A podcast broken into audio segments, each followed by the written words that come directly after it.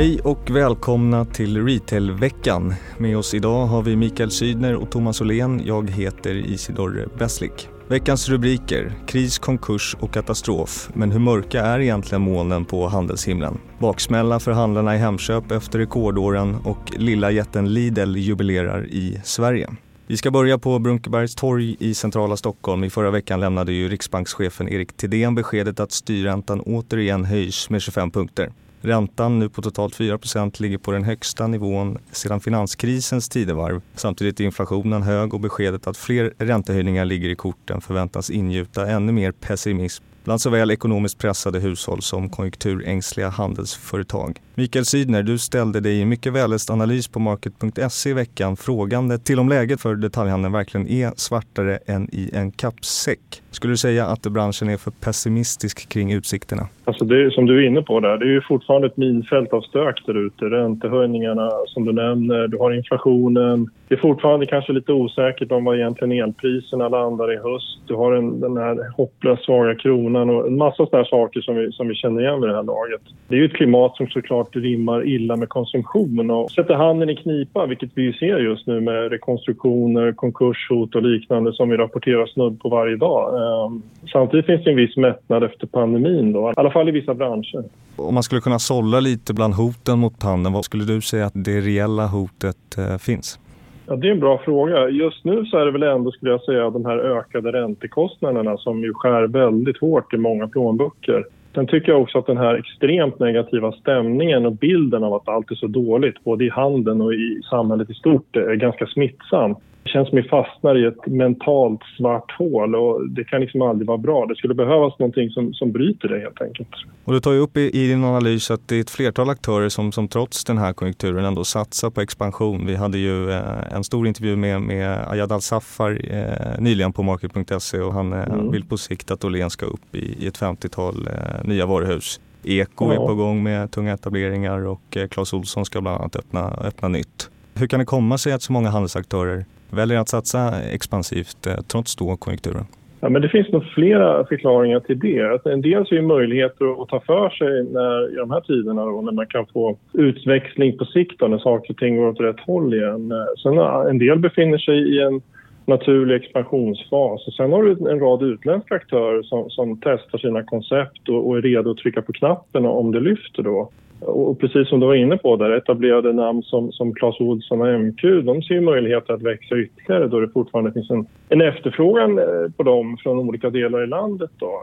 Så det ser ut att finnas en tro på, på att driva butik lokalt eh, när jag skannade av liksom, rubriken och nyheterna på, på Market under september. här. Och det känns som att det här överlag har varit en mer positiv syn på den fysiska butikens förmåga efter pandemin.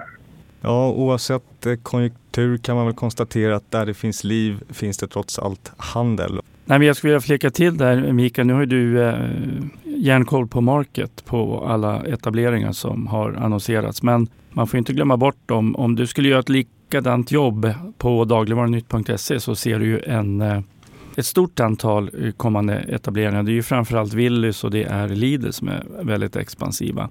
Mm, eh, mm. Coop öppnar ju fler extra butiker men det är ju nästan bara konverteringar från formatet Coop. Men, och då har även ICA Nära som är offensiv också. Så att adderar man dagligvaruhandeln i det här så, så, så händer det väldigt mycket i fysisk handel. Ja, och precis. Exakt. Och, och tittar vi även utanför. Min, min analys där var baserad på sånt som vi har skrivit om i september. Det är väldigt begränsat. Så det, jag tror att det finns ännu mer att berätta kring expansioner och, och någon slags offensiv som ändå finns där ute tror jag. Hur handelsföretagen lyckas och misslyckas med att tackla konjunkturens utmaningar det följer man såklart på nära håll på våra sajter. På det temat ska vi eh, ta oss vidare till nästa ämne. Dagligvarunytt rullade i veckan vidare med ytterligare en ekonomisk kartläggning av butiksbolagen i eh, dagligvaruhandeln. Den här gången kunde vi i exklusiv anda presentera intäkterna och de omsättningsmässigt de största tungviktarna bland samtliga 123 handlardrivna butikerna inom Axfood-ägda Hemköp. Handlarna som under 20 och 2021 levererade starka siffror vaknade upp till en eh, smärre baksmälla 2022 när man inte riktigt lyckades nå samma tillväxt. Thomas Åhlén, eh, vad kan vi dra för slutsatser från de här boksluten? När du tittar på en kedja som Hemköp som väldigt ofta är bostadsnära så gynnades ju de förstås under pandemin när folk jobbade hemma. Man gick kanske i första hand till sin närbutik. Hemköp franchise och säkert eh, Hemköps egenägda butiker möter ju rätt tuffa jämförelsetal. Så det är klart att tillväxten var ju svagare under 2022 som den här granskningen i huvudsak gäller. Då. En del bokslut rullar in också på 2023. Men tittar man framåt nu, det som har hänt i år, så har ju faktiskt Hemköp totalt sett slagit index två kvartal på raken. Så att eh, någon form av uppgång kan man ändå se att det har varit för Hemköp då sista sex månaderna, det vi, det vi kan se i Axfoods rapport. Då.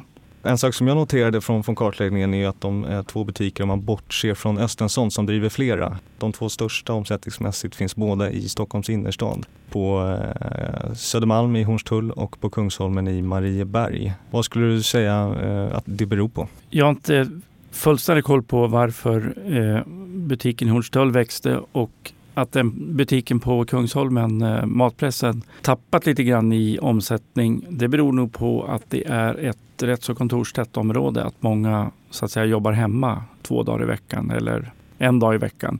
Så det tror jag påverkar den butiken en hel del då. Men det är ändå ett marginellt tapp och eh, det är möjligt att de eh, tar ytterligare fart tack vare inflationen då i eh, nästa bokslut som är på gång. Då. Och visst är det så att vi kommer kika vidare på dagligvarunytt.se om eh, fler nyckeltal från, från Hemköpshandlarna? Ja men absolut. Eh, vi kommer att visa bland annat hur eh, det ekonomiska utfallet har varit och precis som du har skrivit i ett antal artiklar på dagligvarunytt.se kring lönsamheten så sjunker den också för Hemköps handlarägda bolag, precis som Fika Maxi. Så att eh, båda de här kedjorna och säkert alla andra har ju haft eh, stora utmaningar eller det har varit omöjligt att kompensera sig för prishöjningar i bakomliggande led. Vilket ännu en gång understryker hur fel finansminister Elisabeth Svantesson har kring eh, sina utspel kring matpriserna ser självklart fram emot att ta del av, av de talen och artiklarna som, som kommer. Eh, och det finns ju all anledning att återvända till Hemköp som ju växer eh, i sitt segment trots den, den starka lågpristrenden.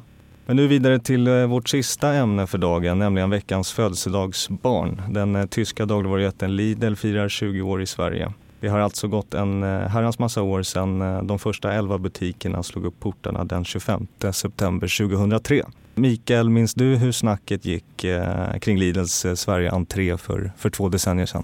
Precis det du sa nyss där, att eh, man öppnade 11 butiker samma dag. Det var väl ganska anmärkningsvärt om jag minns rätt. Sen så det var mycket snack i media om eh, att mjölken fraktades ända från Tyskland och eh, man ställde sig frågan varför är det så och man skickade frågan till Lidl men där fick man inga svar. Det var ju på den tiden som Lidl valde att bara möta media med kompakt tystnad. Och jag minns att på den tiden så fick man eh, mejla till kundtjänst man vill göra en intervju med Lidls svenska ledning. Så att, eh, det är en stor förändring. Ja, man kan ju lugnt konstatera att det har hänt mycket kring, kring Lidl eh, från starten till idag. Eh, Thomas, skulle du säga att man har lyckats utmana marknadsdynamiken i, i dagligvaruhandeln?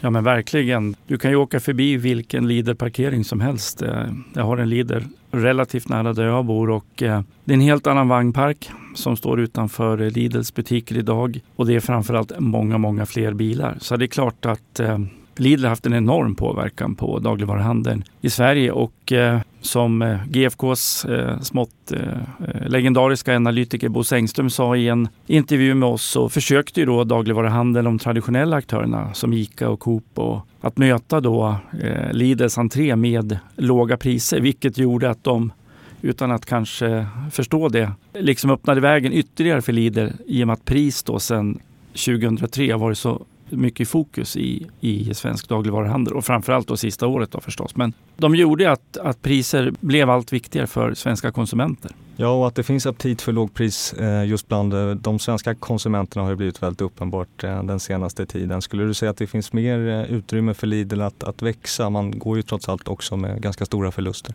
Precis, apropå matjättar så omsätter ju Lidl globalt tio gånger så mycket som ICA så att ytterligare lite information då till finansministern. Alltså Lidl jagar ju eh, lägen runt om i Sverige. De har ju en långsiktig ambition att växa då till 300 butiker och eh, vi får väl se om de når dit men eh, det är ju utan tvekan så att Lidl eh, är eh, uppskattat bland svenska konsumenter. De når ju ungefär 50 procent av hushållen. Och, och Willys i sin tur, som vi berättar i dagligvarunytt.se, drygt 60 procent av hushållen. Så att det finns ett väldigt lågprissug i Sverige, det, det är klart. Det var ju ett eh, spektakulärt 20-årsfirande också. Man tävlade bland annat ut en bil, mopeder och resor. Kanske i sann eh, von Lidl-anda för de som minns den reklamen. Vi får väl helt enkelt säga grattis till Lidl som eh, lyckats etablera sig på en marknad som enligt våra konkurrensvårdande myndigheter är svår att ta sig in på. Det var allt för veckans avsnitt. Ni har lyssnat på Retailveckan, en podd från Market och Dagligvarunytt. Ansvarig utgivare Fredrik Svedjetun. På återhörande, hej så länge. Hej då, hej då. Hej då.